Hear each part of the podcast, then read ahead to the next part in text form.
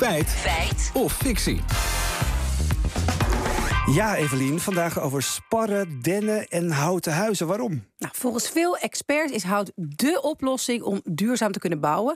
En Andy van Dobbelsteen, hoogleraar duurzaam bouwen aan de TU Delft, is groot voorstander van houtbouw. Je wil natuurlijk geen hele bossen laten verdwijnen om, te houten, om de houten huizen te kunnen bouwen. Maar in een video van het Algemeen Dagblad zegt hij dat er aan bomen en bossen geen tekort is. En het mooie is, er is hout genoeg. Alleen al in Midden- en Noord-Europa is de aangroei van nieuw hout 300 miljoen kubieke meter. Als je bedenkt dat je voor een houten huis ongeveer 10 kub nodig hebt, kunnen we dus in Europa 30 miljoen nieuwe houten woningen bouwen. Elk jaar weer. Ja, elk jaar zou er dus in Europa 300 miljoen kubieke meter bos bijgroeien dat nu niet gebruikt wordt. Klopt dat? Ja, dat zijn we gaan uitzoeken, want het klinkt inderdaad te mooi om waar te zijn. Een van de experts op dit gebied is Gert-Jan Nabuurs, hoogleraar Europese bossen aan de Wageningen Universiteit. We vroegen hem eerst hoe hij en zijn collega's nou bijhouden hoeveel bomen er in al die bossen groeien.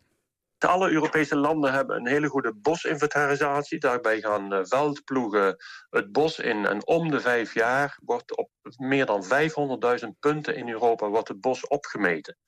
als je dat dus elke vijf jaar doet en je komt precies terug op de plekken waar je eerder ook uh, dat bos opmat, dan, dan weet je eigenlijk precies wat er gebeurt. Hoeveel er bijgroeit, hoeveel er sterft, hoeveel je oogst. Ja, een enorme klus dus. En wat blijkt uit deze tellingen? Groeit het bos in Europa echt zo snel? Hoogleraar Nabuur zegt dat het bos inderdaad hard groeit.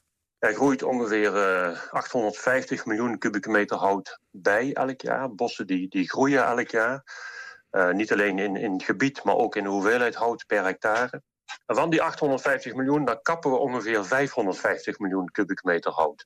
Dus je bouwt elk jaar 300 miljoen kubieke meter hout op in het Europese bos. Nou, daar zit het probleem dus niet. Maar zien bouwers het wel zitten om massaal huizen te gaan bouwen van hout? Taco van Hoek, directeur van het Economisch Instituut voor de Bouw, noemt een belangrijk bezwaar.